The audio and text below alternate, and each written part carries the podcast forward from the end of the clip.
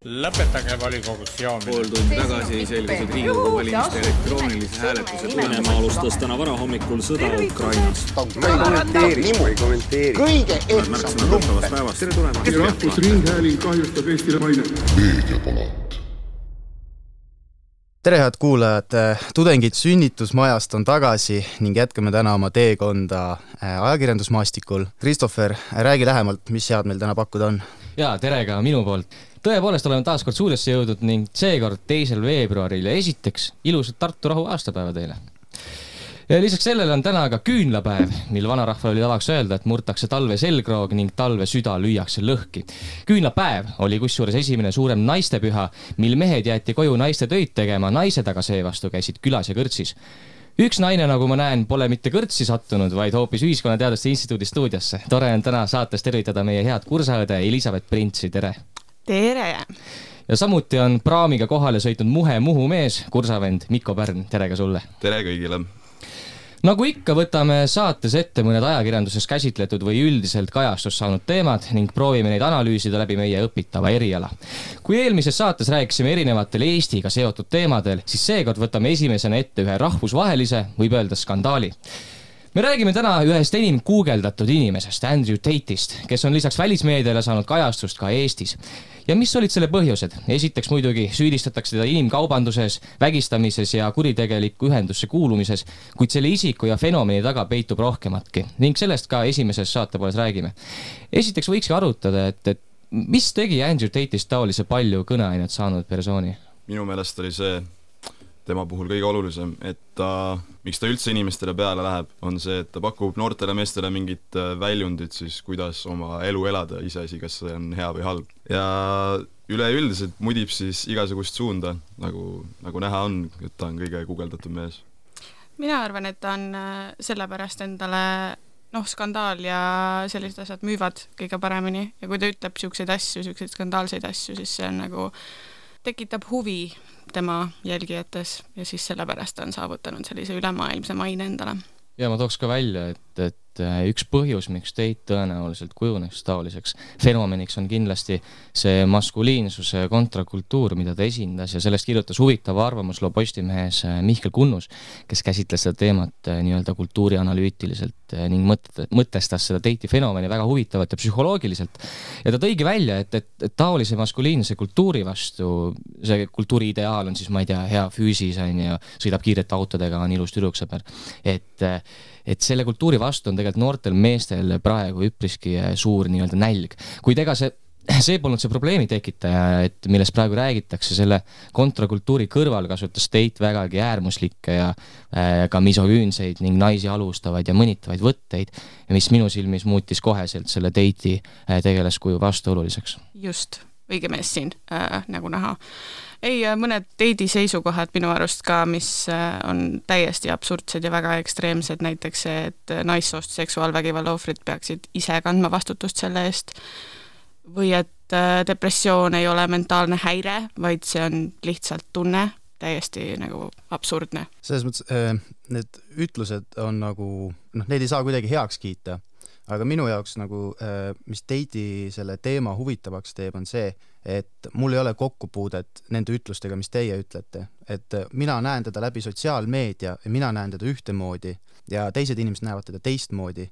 ja alguses oli minu jaoks nagu äh, ma, ma ei saanud aru sellest, et millest räägitakse, see tunduski niisuguse teemana, et keegi on jälle mingisuguse teema üle võt-, üles võtnud ja nagu vinti peale keeranud aga tegelikult äh, sellest tuleb välja see, kui palju see sotsiaalmeedia sind selles mullis tegelikult kinni hoiab, on ju. aga, aga mõnes mõttes on ikkagi minu meelest mindud ka kohati üle piiri äh, selle poole pealt, et äh, noh, mingisugused süüdistused on õhus, aga neid süüdistusi on hakatud nagu kindlas kõneviisis sellele inimesele nagu külge panema.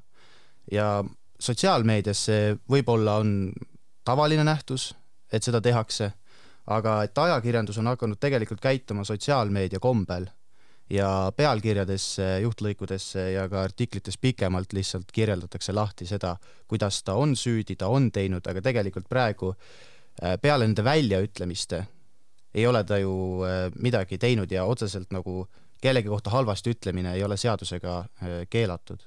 Jaa, et Eesti meedias me räägime täpselt samamoodi, et Postimehes kahekümne esimesel jaanuaril tituleeritigi teda kui juba nii-öelda kurikuulsat kupeldajat.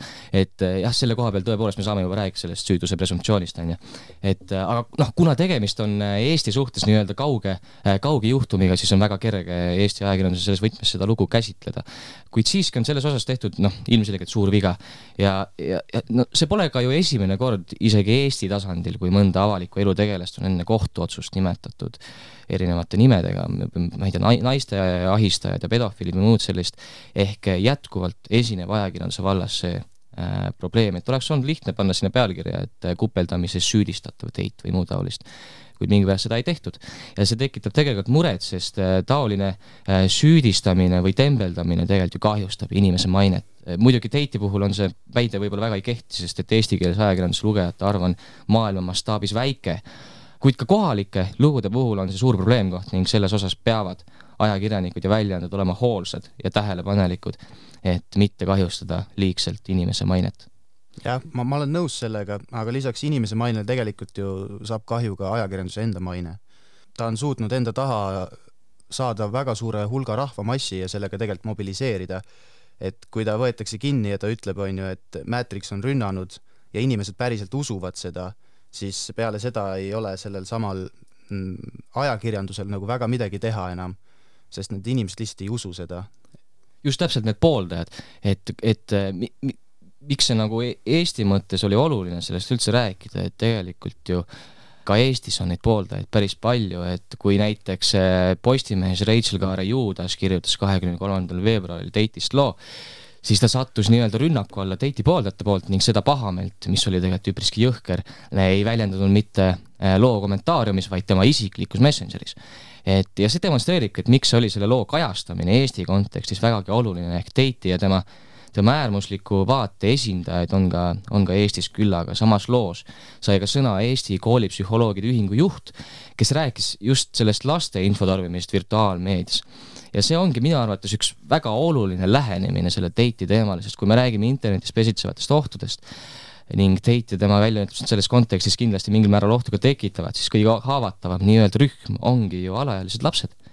Nii noored äh, poisid kui ka tüdrukud, kes oma enesehinnangut läbi sotsiaalmeedia ka kujundavad ning taoline misoküüniline mõtteviis tekitab ühiskonnas tervikuna erinevaid probleeme mistõttu neid tulebki ennekõike ennetada ja lahendada ning siin ongi ajakirjandusel oluline roll see teema ja arutelu tõstatada.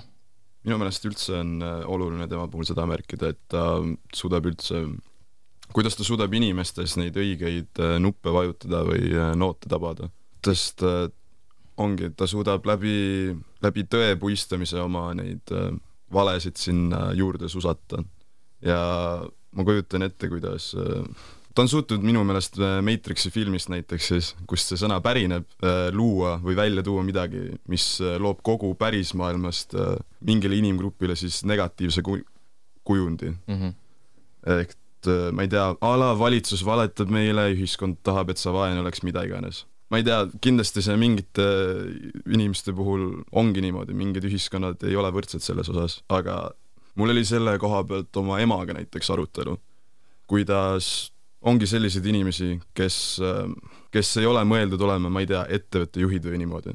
ja see arutelu oli meil muidugi pikem, aga me lõpuks jõudsimegi sellele järeldusele, et meie näiteks olemegi sellised inimesed, kes töötavad palju paremini kuskil, ma ei tea, kinnisemas keskkonnas, kus meile öeldakse, mida teha tuleb.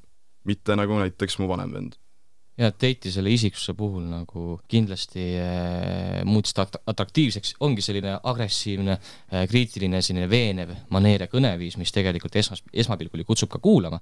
ja kui jutt algabki sellest, et ma ei tea, et õige mees peaks olema edukas ja muud taolist, siis algselt see, tundubki see teema atraktiivne või isegi mõistlik, aga nagu sa mainisid, siis äh, selle kõige muu kõrvale on ju puistatud neid väikseid äärmuslikke asju ja siis äh, see tühistab selle nii-öelda mõistlikkuse nagu koheselt ning kahjuks on inimesi, kes sellest aru ei saa äh, või, või sellest nagu päris teemast, mis seal varjus on, et sellest arusaamine võtab neil aega. et jaa, et selle Matrixi puhul on ka ju see, et äh, et kui juba me võime siin mingisuguse võrdusmärgi tuua sellest peavoolu meediast kaugenemisega, on ju, et kui Teit räägib sellest Matrixist kui nii-öelda suuremast jõust, mis on siis tema sõnul süüdi tema tühistamises, siis see, sellega saab nagu sarnastusi tuua selle peavoolumeediast kaugenemisega ning see, see maatriksi käsitlus seda kindlasti ka soosib. jah, selles mõttes, et äh, kui ta on loonud juba niisuguse nagu äh, narratiivi, et on mingi Matrix, kes tahab tühistada, no see on sarnane mingisugusele süvariigi narratiivile, siis äh, kui noh, nagu me enne mainisime, kui meedia läheb sellega kaasa, selles mõttes, et ta hakkab sildistama teda, noh, et ohtlik inimene, see ja too, on ju, siis see tegelikult ainult süvendab seda. See on selle narratiivi süvendamine ja võimendamine, mida tegelikult ei peaks tegema. sest ma arvan, et et neid fänne tegelikult oluliselt rohkem ajab närvi see, mitte see süüdimõistev kohtuotsus, mis sealt lõpuks tulla võib, vaid see, et ta on enne kohtuotsust nagu igalt poolt ära lõigatud, et sotsiaalmeediaplatvormid eemaldavad ta ära see oli juba enne seda ei, see oli, see oli enne jaa, aga lihtsalt ongi see, et oma väljaütlemiste pärast, et parandage, kui ma eksin, ta ei ole kedagi otseselt oma sõnadega rünnanud. et ta on lihtsalt rääk-. naisi no jaa, aga ei, selles mõttes jaa, sa saad rünnata ühiskonnagruppi, on ju mm, -hmm. ja soopõhiselt, aga ta ei ole nagu mitte kedagi konkreetselt rünnanud. Ja ta, sellel ei ole järgnenud füüsilist no, tegevust. seal ei, seal ei ole nagu, okei okay,, temast on kuigi levinud internetis videod, kus ta on olnud vägivaldne naiste suhtes okay,, muidugi see on kõik mm -hmm. väidetavalt, see ma ei ei, seal peaks mingi video isegi olema. jaa, minu arust seal on video, kus ta on olnud vägivaldne naiste suhtes pluss temast on video, kus ta räägib, et äh, kui tema naine teeb OnlyFansi, siis tema peaks äh, kümnest tuhandest kaheksa tuhat endale saama, sellepärast et naine müüb jutumärkides tema toodet. ja see on täpselt, täpselt seesama asi, milles teda ju süüdistatakse. inimkaubandus ja naiste seksuaalne väärkohtlemine, nii et nojah, ma ei oska selle, seda kommenteerida, selles mõttes need on päris head argumendid, on ju aga lihtsalt eh, noh, siis peakski rääkima nendest asjadest mm, -hmm. et rääkimegi sellest videost ja sellest, nendest konkreetsetest eh, asjadest, aga mitte nimetama teda kupeldajaks ja asjadeks. kusjuures temaga on huvitav veel see, et eh, võib-olla ma eksin, aga minu meelest ta sai peale seda, kui ta igalt poolt tühistati palju kuulsamaks, sest tema need jälgijad olid need, kes hakkasid igale poole tema igasuguseid klippe ja väljaütlemisi üles panema, ma ei tea, Instagram Reels, Youtube Shorts, TikTok, mida iganes. peale seda ta hakkas nagu veel rohkem ei tea, mis eestikeelne vaste on blow up imisele õhku lendama päevakajaliseks muutuma. jah, päevakajaliseks muutuma, jah. ja, ja ma ütleks ka, et, et see, see, mida ta ütleb, äh, on üks asi, aga see, kui palju kajastust ta saab meedias ja ajakirjanduses, on see, mis tema sõnumi tegelikult ju kaugemale viib. seega nagu võib-olla me peaksime lihtsalt, või no see on asi, millest tuleb rääkida, see on nii kaheotsaline. jaa, aga ajakirjandus on ka seda tegelikult teinud, et et äh, kõik need Andrew Tate'i äh, uudised või lood tavaliselt või noh, üldiselt algavad ikkagi selle nii-öelda äh, kirjeldusega, kes ta on mm -hmm. ja mhm. seal tegelikult ju väga kriitiliselt räägitakse. jaa, selles mõttes küll meedia on nagu tembeldanud teda suht süüdi juba, isegi kui tegelikult pole ju kohtu case läbi saanud ja ta istub siiamaani Rumeenias kuskil kinni, aga selles suhtes, et, et jah, et minu jaoks tekib küsimus, okei okay,, kõigil on sõnaõigus ja kõigil on õigus häälele, aga me levitame ise seda häält palju kaugemale veel, et ühesõnaga ma ei tea, mida teha selle koha pealt, väga keeruline situatsioon. aga samast teemast tuleb, on ju, rääkida? Jah, just, see on asi, mil noh, teadlikkust tuleb levitada selliste ma arvan, et see on jälle see teema mingil määral, et kuidas sa seda levitad ja kuidas ja. sa sellest mm -hmm. räägid, nagu näha on olnud, et teda tembeldatakse juba enne süüdlaseks, mis võib-olla veel võimendab tema mingisuguseid jälgijaid mm. -hmm. et aa jaa, Matrix tuleb järgi talle, mida iganes see on ju tegelikult, see ei ole uus asi meie jaoks ka, kus enne, kui kohtu case on lahendatud, siis publik on juba otsuse ära teinud, sama asi oli ju Johnny Deppi ja Amber Heardiga, on ju. et äh, meedia juba äh, leidis, äh, tähendab, tembeldas Amber Heardi, et ta on süüdi, aga noh, kohtu case pole nüüd ju läbi veel, nii et.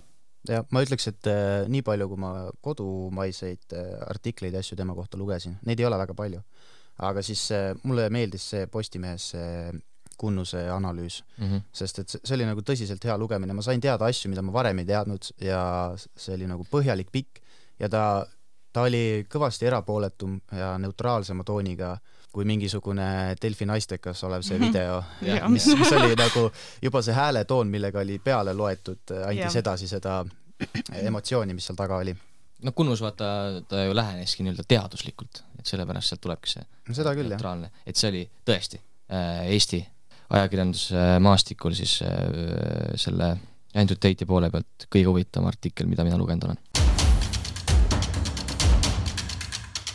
meediapalat. Räägime siis äh, ajakirjanikest poliitikas. viimasel ajal on äh, mitmed ajakirjanikud liitunud erakondadega, äh, ning teatanud kandideerimisest ühes ja teises nimekirjas.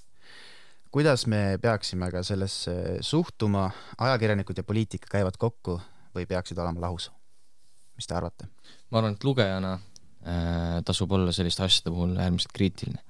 et me ootame ikkagi ajakirjanduselt sellist neutraalsust ja objektiivsust, mistõttu ajakirjanik ise ka peab olema sõltumatu, kuid samas no me ei saa tegelikult seda temalt ka täielikult oodata, on ju, et ajakirjanik on ka ikkagi inimene ja inimestel on välja kujunenud vaated ja seisukohad ka poliitiliselt, mistõttu ma arvan, et täielikult neutraalset ajakirjanikku tõenäoliselt ei leidu, aga sellegipoolest, kui ajakirjanik on partei liige ehk ka poliitilise vaate esindaja, siis sellisel juhul on tal juba piltlikult öeldes mingite teemade puhul käed nii-öelda raudu pandud, et eh, ning ei saa osa, osasid teemasid, eriti poliitilisi, kajastada neutraalselt ning kui taoline ajakirjanik töötab mõnes sõltumatus meediaväljaandes, siis loob see ilmselgelt äh, kuvandi selle väljaande kohta ka, mis muudab küsitavaks terve väljaande sõltumatuse ja neutraalsuse. Mina olen ka suhteliselt äärmuslikul arvamusel, et äh, kas üks või teine mõlemat korraga ei tohiks. kui sa ühe maha paned ja teist ilma esimese mingisuguse olemasolut äh, edasi suudad teha, siis suurepärane, aga poliitika ja ajakirjandus on mõlemad sellised väljundid, mis nagu mõjutavad ühel või teisel moel inimest, aga teevad seda täiesti erinevatelt tahkudelt, nii et äh, seal on see, kus see lahkheli minu jaoks toimub, et nad ei tohiks koos käia.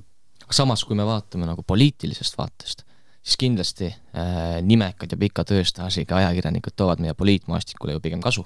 ei, absoluutselt, aga ma lihtsalt tahangi väita, et ma arvan, et neid asju ei tuleks teha koos ja,. jah, jah, jah, et nagu me teame, siis tegelevad ju ajakirjanikud igapäevaselt erinevate ühiskonnale oluliste teemadega, eks ju, mistõttu on neil, on neil hea ülevaade ja kogemus seoses oluliste pidepunktidega ühiskonnas tervikuna et selles mõttes on sealt, selle pinnalt siis hea alustada poliit, poliitkarjääriga, aga sellega ma olen ka nõus, et mõlemat korraga teha ei saa seda sai teha näiteks, ma ei tea, üheksakümne, üheksateistkümnenda sajandi lõpus, kahekümne sajandi alguses, võime näiteks võtta, on ju, Jaan Tõnissoni Postimehe.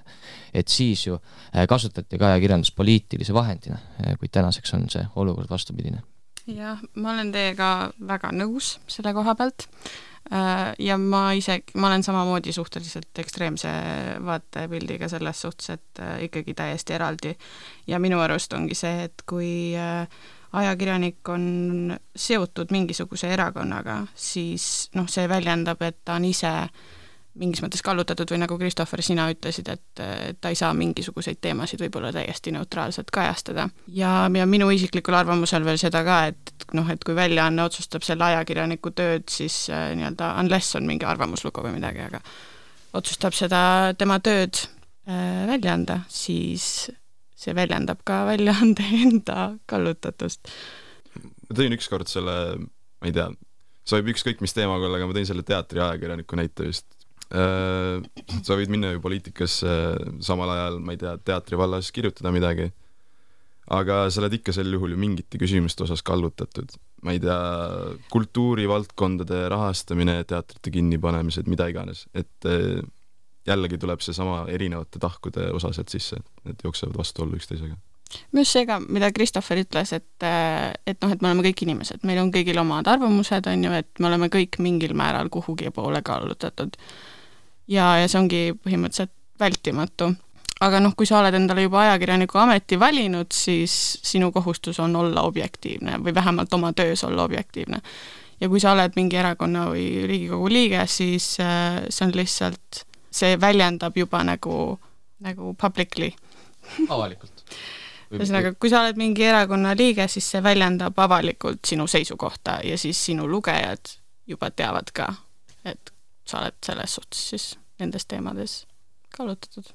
ja ma, ma tahaks lihtsalt seda öelda, et nagu igalühel võiks olla õigus, on ju, kandideerida sõltumata äh, tema ametist ja, ja samamoodi võiks olla õigus töötada ükskõik millises ettevõttes, sõltumata sinu parteilisest kuuluvusest. et äh, mis see viimane argument oli, mis sa ütlesid, ma tahtsin midagi selle kohta öelda? Äh, see erakonna avalikult nagu jaa, ühesõnaga, et kui see on avalik äh, ja kõigile teada, et see ajakirjanik kuulub näiteks sellesse erakonda mm, -hmm. siis ma ei näe selles probleemi, ma ei näe ka selles probleemi, kui mõni toimetus ütleks, et meile on kõige sümpaatsem see erakond mm. -hmm. et minu meelest parem las need inimesed ütlevad selle ausalt välja, kui ja. et mingi asi susiseb ja mingid kuulujutud käivad, et huvitav, et eh, mis selle Postimehe toimetusega siis ikkagi toimub. jaa, ei selles, selles suhtes ma olen nõus. kui see oleks, kui see öeldakse välja, siis vähemalt me teame mm, mm, -hmm. kuhu poole need asjad on kallutatud ja kuhu mitte. ja et siis me oskame nagu kriitiliselt suhtuda sellesse. aga see ongi noh, see läbipaistvus, mida me ja, nõuame lihtsalt, nii ajakirjanikelt kui et äh, minu meelest läbipaistvust ei sega see, kui ajakirjanik on äh, parteilise taustaga mm. -hmm. minu meelest see on ikkagi kohati paratamatus siiski, et ähm, kui sa oled, ma ei tea, oletame, et sa oled mingis ajalehes, sa ütled, et sa oled selle erakonna või partei liige, siis ikkagi see kuidagi mõjutab inimese tähelepanu või arvamust. ja teine asi on see, et see ei pruugi ju alati välja tulla, sa võid seda ühes artiklis olla öelnud kunagi, aga keskmine lugeja näiteks ei pruugi isegi teada seda. see on, see on point. jaa, ei no ajakirjandust lugedes me ikkagi nagu, mina vähemalt ootan ikkagi seda neutraalsust ja ja kui ajakirjanikul on selles mõttes, tal on võim, et, et ta jõuab suure hulga lugejateni ja kui ta seal kajastab ainult enda poliitilist vaadet, siis eh, see ei ole ikkagi see, see ajakirjanduse roll, mida, selle neutraalse ajakirjanduse roll, mida mina ajakirjandusest vähemalt jaa, aga see, siis sellel hetkel on juba toimetaja asi öelda, et kuule mees, et vaata, räägi millestki muust ka kui oma poliitilisest eh, teemast. ei, absoluutselt, aga kas ta peab üldse sellest nagu ajakirjanduses rääkima? et ta võib seda ka vabalt sotsiaalmeedias või ükskõik kus nagu, aga, aga ajakirjanduselt, et okei okay,, kui see on välja toodud, see näiteks mingi arvamuslugu ja on välja toodud, et on selle erakonna liige, siis on fine, on ju. Aga kui ei ole seda välja toodud ja see on mingisugune uudislugu poli-, äh, mingist poliitilisest sündmusest või midagi taolist ja seal kumab läbi tema seisukoht, äh, kui, kuna tal on siis juba poliitiline, kindel poliitiline seisukoht, kui ta on partei liige, et siis, siis see tekitab tegelikult probleemi, sest äh, see mõjutab kindlasti ka ajakirjanduse usa-, usaldatust lugejate poolt.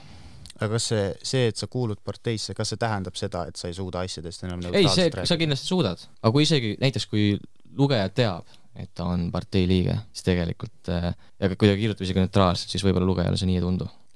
äh, tekkida eelarvamus. eelarvamus, täpselt mm. -hmm. ma just tahtsin öelda, et äh, oletame, et äh, sa oled mingis parteis erakonnas, sa isegi ei väljenda ennast kuidagi nende vaadetega või ei seo ennast kuidagi sellega, aga see märk on ikkagi küljes, et sa ja. oled seal parteis. Äh, kui sa oled partei nimekirja, erakonna nimekirjas, sa oled selle erakonna pooldaja, mis tähendab, et sa oled ka selle poliitilise vaate, vaate pooldaja. Minu arust ei saa niimoodi olla, et sa oled erakonna liige ja, ja sa näiteks ei poolda seda või oled neutraalne, siis sa enam pole neutraalne. no isegi kui see on nii, siis ikkagi sa oled nimekirjas. jah. Äh, nendel valimistel siis äh, on äh, poliitikasse suundunud mitmed ajakirjanikud, esimesed nimed, mis meile ette tulid, olid näiteks Marko Kaljuveer, endine spordiajakirjanik ja kandideerib nendel valimistel Isamaa nimekirjas, Allan Muuk, parempoolsete liige, Sven Soiver kandideerib Keskerakonna nimekirjas ja Ilja Pann, Keskerakonna liige ja eelmistest äh, valimistest on siis Aarne Mäe äh, EKRE nimekirjas. see aasta kandideerib ka? kandideerib ka, jah ja. et okay. Äh, see Marko Kaljuveer ja, ja, ja Sven Soiver on teinud selles ajakirjanikena targa lükki, et nad ei ole küll erakonnaga liitunud, aga nad on nimekirjas. et see. Mingil määral mõjutab juba, on ju, et kas sa oled lihtsalt nimekirjas või sa oled erakonna liige aga jällegi spordiajakirjanik on näide sellest, et kui palju sa saad sporti poliitiliseks, poliitiliselt kajastada või nagu eelmine kord rääkisime sellest. ei no me rääkisime sellest, ei, aga ajakirjanik ei tee ju, või noh, seal on nagu see, et sul ajakirjanikuna ei ole palju teha, kui sportlased ise juba on poliitilised, aga kui sportlased on neutraalsed, siis ei jaa, muidugi. noh, spordiajakirjanikuna, mis vahet seal on, mis erakonda sa kuulud või? no jälle, oleneb, mis teemat ta kajastab, kui ta on näiteks spordikommentaator, vahet ei ole, kui ta nii-öelda toob lihtsalt nii info välja, on ju, et tema sai selle koha, tema, tema tulemus on niisugune, siis ka vahet ei ole, aga kui ta hakkab juba mingit analüütilist teksti kirjutama, mis on võib-olla mingil määral seotud pol-, poliitika kas või me räägime, ma ei tea, näiteks rahastusest, on ju, et siis, aga siis tal juba on ju mingisugune poliitiline vaade. tal on see juba see imago küljes, aga noh, Kaljuveer puhul ta, ta nimekirjas, ta pole mm, -hmm. ta pole erakonna liige, on ju. Mhm. aga selles mõttes, et ikkagi see võimalus on ühesõnaga minu arvates ei tule kasuks ajakirjanikule, kui ta on erakonna liige, sest et äh, osade teemade puhul, nagu ma ütlesin, on pandud nii-öelda käed raudu. et sul ei ole võimalik või noh, avalikult, kui inimesed teavad, et sa oled erakonna liige, siis sa ei saa, sa saad neutraalselt kajastada, aga inimesed teavad, et, et sul on ikkagi mingi kindel suundumus. jällegi tekib mingi eelarvamus mm. -hmm. aga kas teil praegu nende nimetatud ajakirjanike suhtes on nüüd mingi eelarvamus, kui te näete neid meedias? Äh, no kindlasti mingil määral on, noh. ikka jah ikkagi sa tead, et ta on erakonna liige, nii et ma pean tunnistama, et minust tuleb see keskmise lugeja asi nüüd välja, et mina näiteks ei teadnud isegi, et kõik need inimesed on seotud erakondadega. ja nüüd, kui ta kuskil kirjutaks näiteks, mul poleks aimu ka. noh, okei okay,, nüüd oleks, aga jah, enne seda ei ja eriti nüüd enne valimisi on ju, kui täpselt. hakkaks praegu kirjutama ja seda välja poleks saadud, aga ilmselt tuuakse välja, see on mm, -hmm. praegu on äh, normaalne see, et tuuakse välja, et aga kui ei tooda ja enne valimisi ta mingi asja puhul sõna võtab, siis see on küsitav, kas see on moraalne. Võime selle teema võtta kokku siis eh, lõppkokkuvõttes ikkagi seisukohaga, et meie meelest ei ole moraalselt õige, et ajakirjanik istub kahel toolil korraga ja proovib kahest otsast ühiskonda mudida. ma arvan, et sellega võib nõustuda ja siit vist ilmselt võib minna ka uue teema juurde. meediapalat, kindlasti on paljudel paberlehe lugejatel ette juhtunud olukord, kui sisseharjutatult esmaspäeva hommikul minnakse postkasti juurde uut lehte tooma, kuid peab sama targalt käed taskus tagasi tuppa astuma, sest mida ei ole, on leht. Möödunud aasta lõpust ei ilmu esmaspäeviti enam ei Postimees ega Õhtuleht, jaanuarist ka Eesti Päevaleht. Et Äripäevast me ei hakka rääkimagi, nemad sellest aastast enam paberlehe lugejatele ajalehte ei pakugi esmaspäevase lehe mitteilmumise põhjus peitub kojukandes, sest nagu Postimees detsembris ütles, et Omniva hinnatõusu tõttu tuleb piirata paberlehtede ilmumispäevade arvu.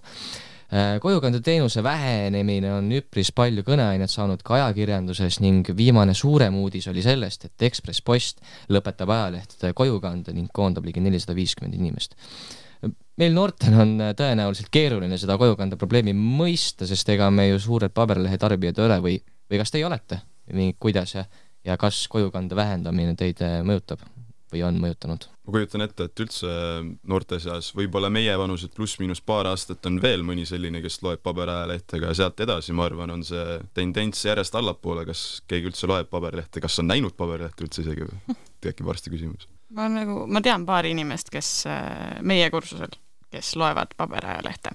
aga, aga selles suhtes, et mind isiklikult see väga palju ei mõjuta, kuna mina tarbin kogu oma ajakirjanduse ikkagi internetis.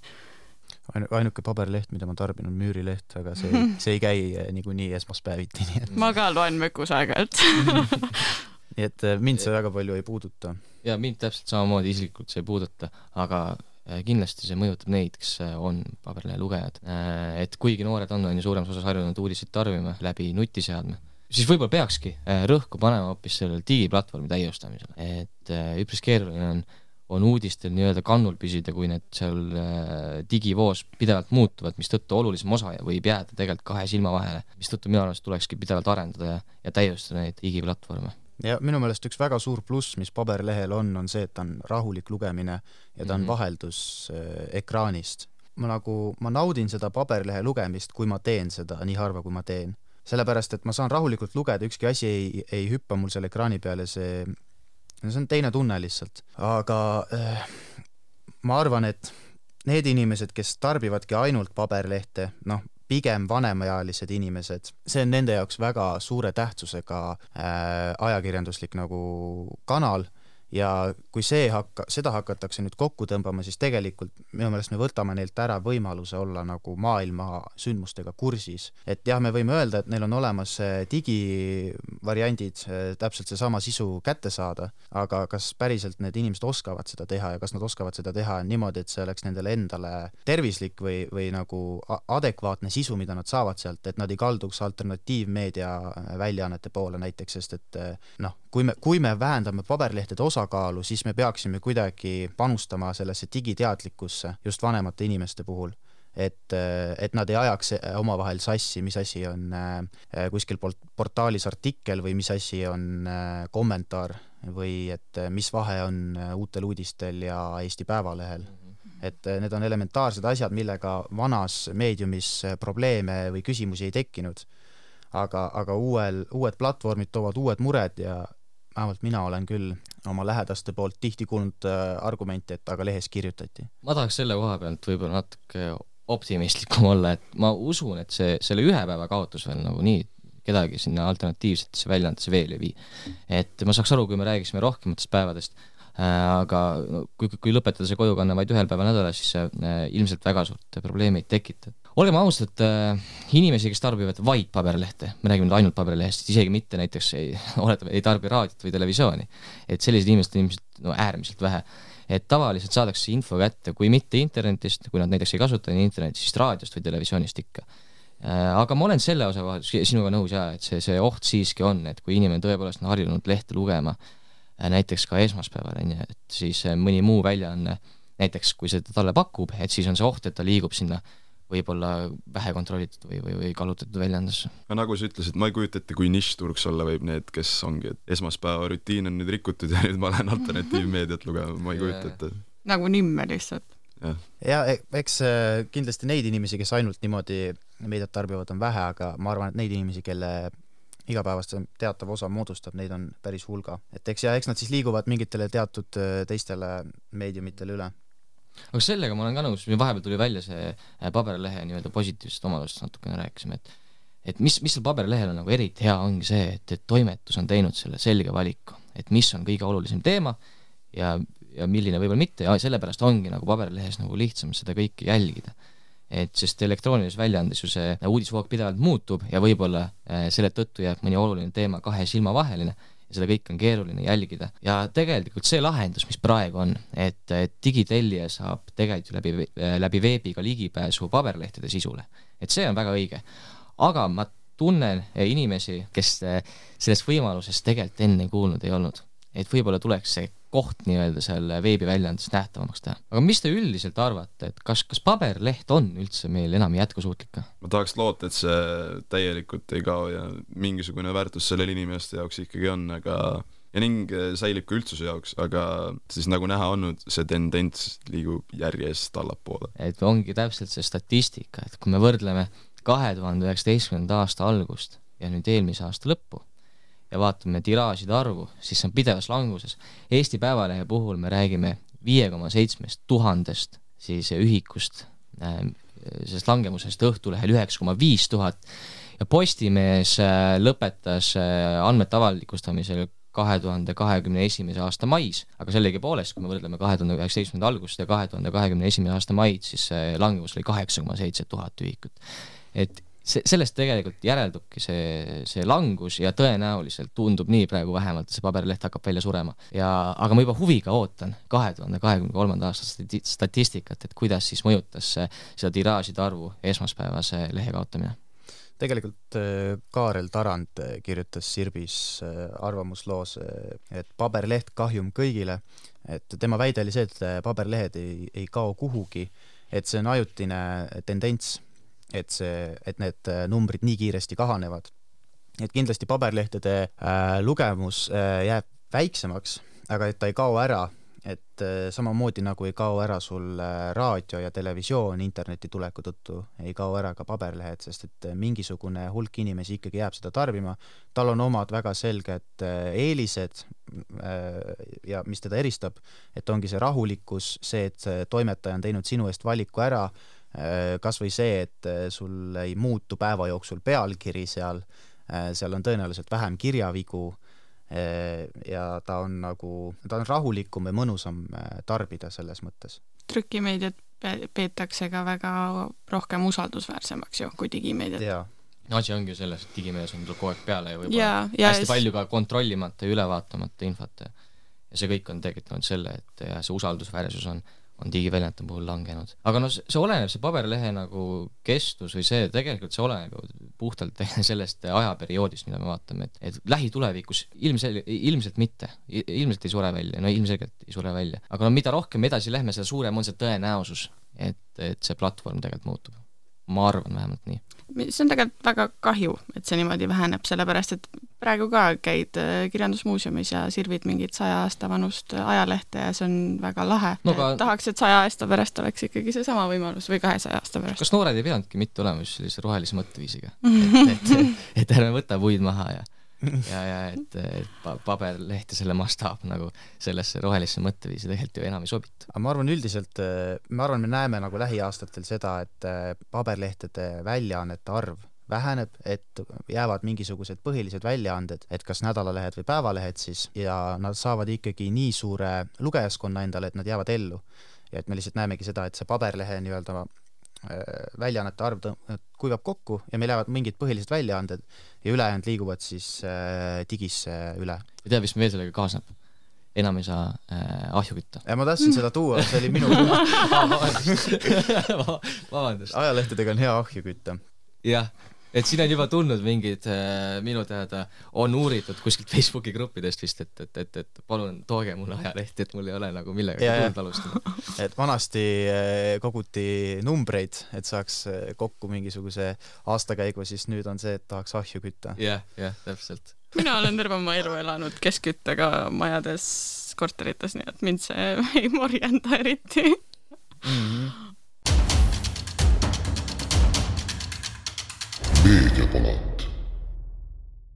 Äh, räägime siis äh, natuke äh, kurvematel või süngematel teemadel, nimelt Venemaa sõda Ukrainas ning koroonakriis. meediast on läbi käinud, et me elame praegu kobarkriisis meil on äh, mitu kriisi korraga või üksteise otsa ja ETV-s on isegi saade Kriiside keerises, mis siis sellest kõigest räägib, aga minu küsimus teile oleks see, et miks peale kahekümne neljandat veebruari ei räägita enam äh, koroonast, nii nagu enne? ma arvan, et siin on kaks põhilist põhjust. esiteks on see, et inimesed väsivad et kui meil domineeriks praegu kaks kriisi korraga, siis äh, väsitaks inimesi ja, ja kui hakata nagu sõja kõrval samas mahus avaldama erinevaid andmeid ja uudislugusid seoses koroonaga, siis see oleks nii, nii lugejale kui ka laiemalt tegelikult ühiskonnale kurnav. kuid see pole ilmselt selle teema äh, piisav põhjendus. Tartu Ülikooli igakuine seireuuring näitab, et, et, et septembri alguses on üheksakümmend protsenti täiskasvanutest neil on äh, antikehad olemas läbi siis kas läbipõlemise või, või vaktsineerimise. ehk see teema polegi akuutne enam ilmselt seetõttu, et äh, otsest ohtu, otsest suurt ohtu äh, pandeemia näol võrreldes paari aasta taguse ajaga meil enam ei ole. samuti on ju viimase päeva, seitsme päeva nakatunu arv on vist saja kuuekümne viie kandis, et mis on tegelikult väga, väga väike arv, et et noh, põhjus võib ka olla selles muidugi, et enam ei käida väga koroonatesti tegemas, mistõttu ilmselt suur osa jääb kaardistamata, kuid sellegipoolest pandeemia näol meil enam ohtu ei ole ehk et kui me räägimegi nagu sellest uudisväärtusest, siis koroona seal enam pole, sest esiteks inimeste huvi selle vastu on kadunud, teiseks pole enam niivõrd oluline jutupunkt ega päevakajaline. no kui rääkida sellest, et ähm, aasta tagasi, kui see esimene nii-öelda pauk ära käis Ukrainas, siis äh, minu meelest inimeste seas äh, kõikjal läänemaailmas tekkis äh, paanika, et keegi ei osanud, tahtnud ega viitsinud siis enam kas hirmust, vihast või üleüldisest nõutusest äh, üldse mõelda enam sellele. ja tegelikkuses oli ju veel selle aja teema täiesti päevakohane.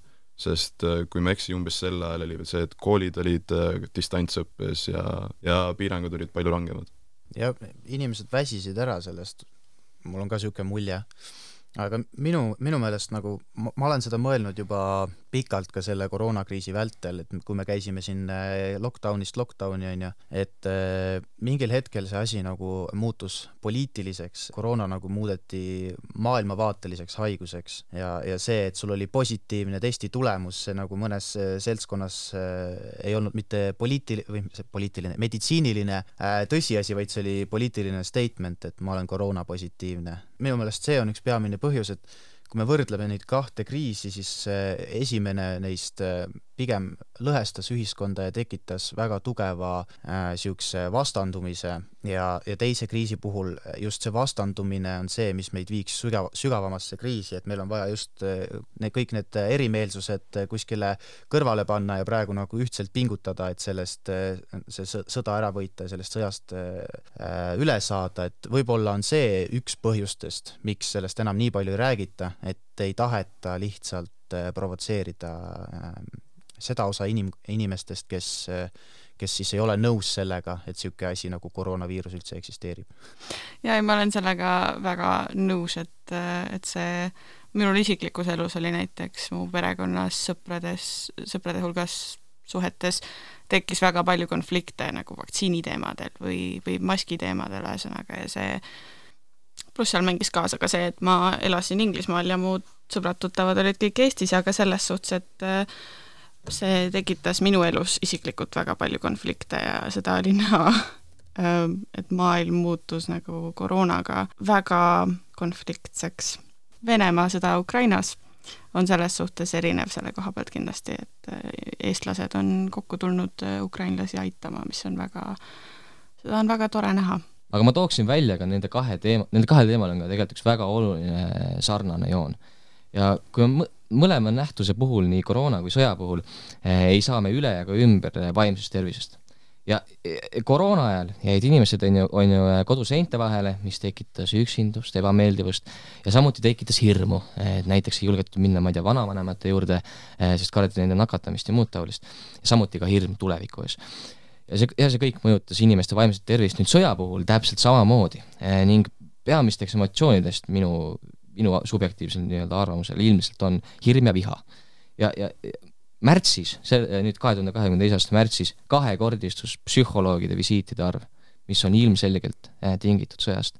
ja ma tahaksin täielikult ajakirjanduses näha rohkem sellise, sellise nurga alt käsitlust, et, et teadlikustada inimest, kuidas paremini hoida oma vaimset tervist, et ennetada erinevaid vaimseid probleeme, mis võivad äh, tekkida seoses näiteks sõjaga. seda on küll tehtud, aga seda on minu arvates vähe. Ja, ja koroona selle kriisiga seoses mul praegu lihtsalt tekkis see mõte, et nagu võiks ju olla mingisugune kas saade siis näiteks, kus räägiksidki inimesed oma koroonalugusid, et mis te siis tegite, nagu näiteks esimene kõige pikem karantiin, vaata? Yeah.. sest minu meelest igal inimesel on nagu oma lugu rääkida sellest, mida ta tegi või kuidas ta tajus seda. et võib-olla neid äh, lõhesid aitab vähendada ka see, kui me räägime läbi need asjad, vaata lihtsalt nagu mida me tundsime, et inimesed saavadki oma emotsioonidest rääkida ja oma tunnetest ja hirmudest ja kogemustest ja kõigest sellest. ja see on, see see on väga huvitav formaat. peaks vaatama, kas, et kas, kas niisugust asja on tehtud. teeme ise, mis asja selle nüüd lõikame välja saatest, et, et avalikkus ei saaks teada sellest formaadist, teeme ise ära aga selle lõhestamise koha pealt või mitte lõhestamine, ühendamine või pigem sarnasuse koha pealt siis ütleme nii, on mul ütleme, kartus siis selle osas, et ähm, sõjaga juhul, kui see peaks veel pikemat aega kestma, siis äh, juhtub sarnane nähtus nagu Covidiga, et äh, inimesed äh, tüdivad sellest. no jah, see on küll paratamatu, et see mingil määral juhtub, inimesed jäävad ikka inimesteks, aga nagu ka teised öelnud on, siis et ei jäädaks ükskõikseks selle osas. selline kartus on mul siis sarnasuste koha pealt. jaa, ma olen täiesti nõus sinuga, me oleme äh, kui sul tuleb iga päev äh, uudiseid selle sõja kohta, siis lõppude lõpuks äh, sa muutudki ükskõikseks ja, ja kui alguses oli see hirm, siis mingil määral on see hirm äh, kadunud, kuigi see oht on meil ikka on ju olemas. ja kui me räägime näiteks erinevatest tsiviiltaristute pommitamisest, elumajade, kortermajade pommitamisest, siis kuna seda on juhtunud jõhkralt palju juba, siis tegelikult ongi, inimesed on ära harjunud sellega ja see ei ole üldse hea.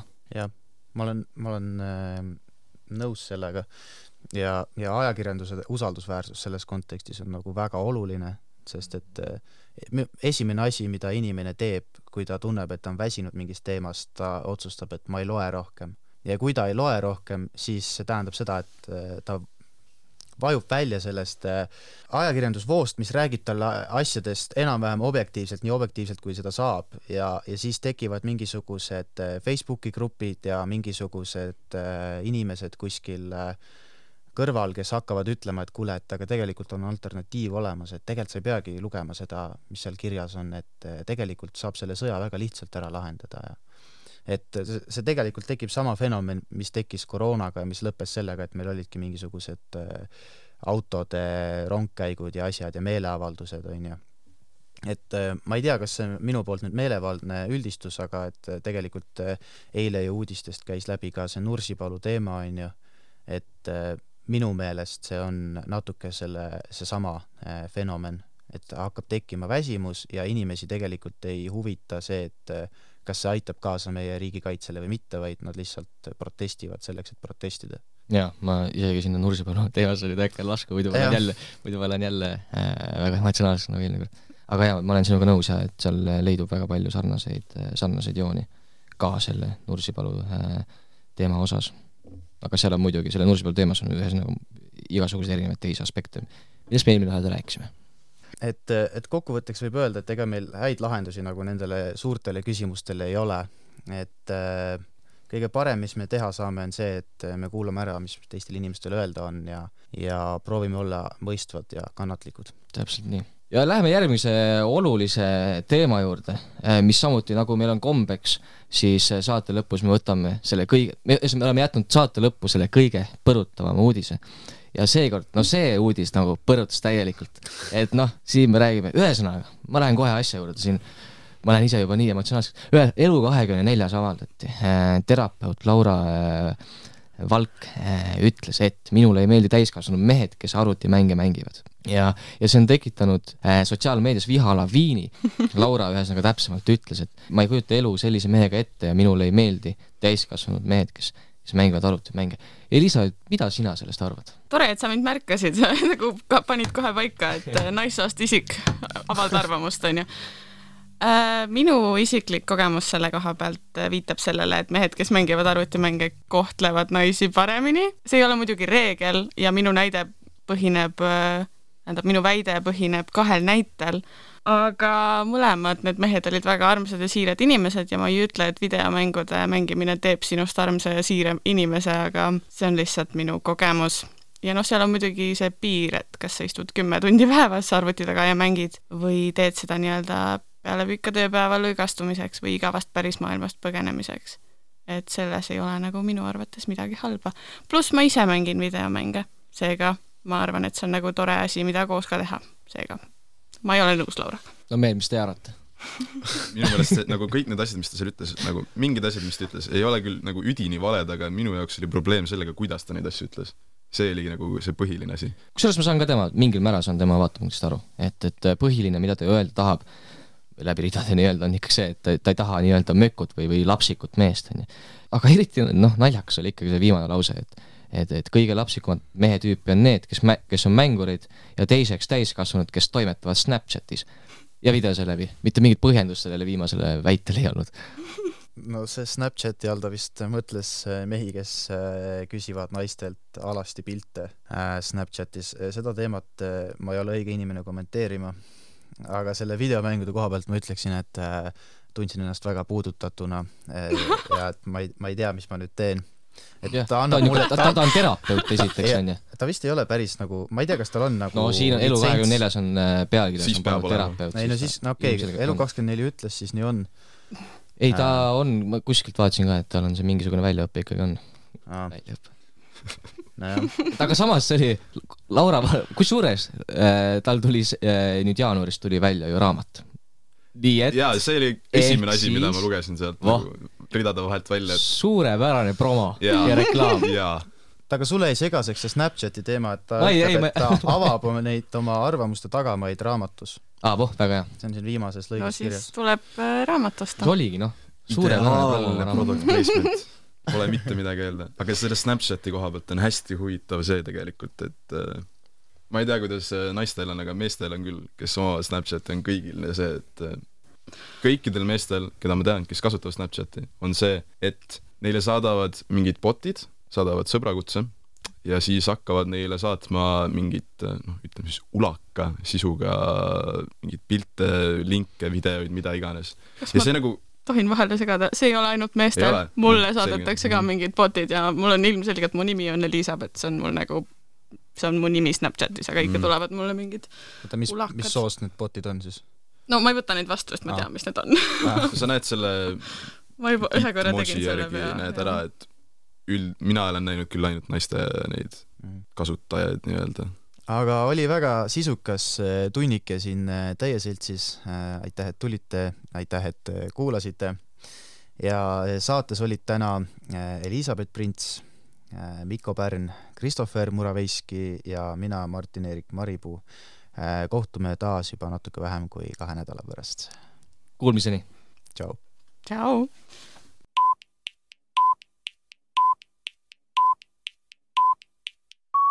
lõpetage volikogus joomine. pool tundi tagasi selgusid Riigikogu valimiste elektroonilise hääletuse Venemaa alustas täna varahommikul sõda Ukrainas. ma ei kommenteeri, ma ei kommenteeri. kõige ehtsam number. tere tulemast. rahvusringhääling kahjustab Eestile mainet. meediapala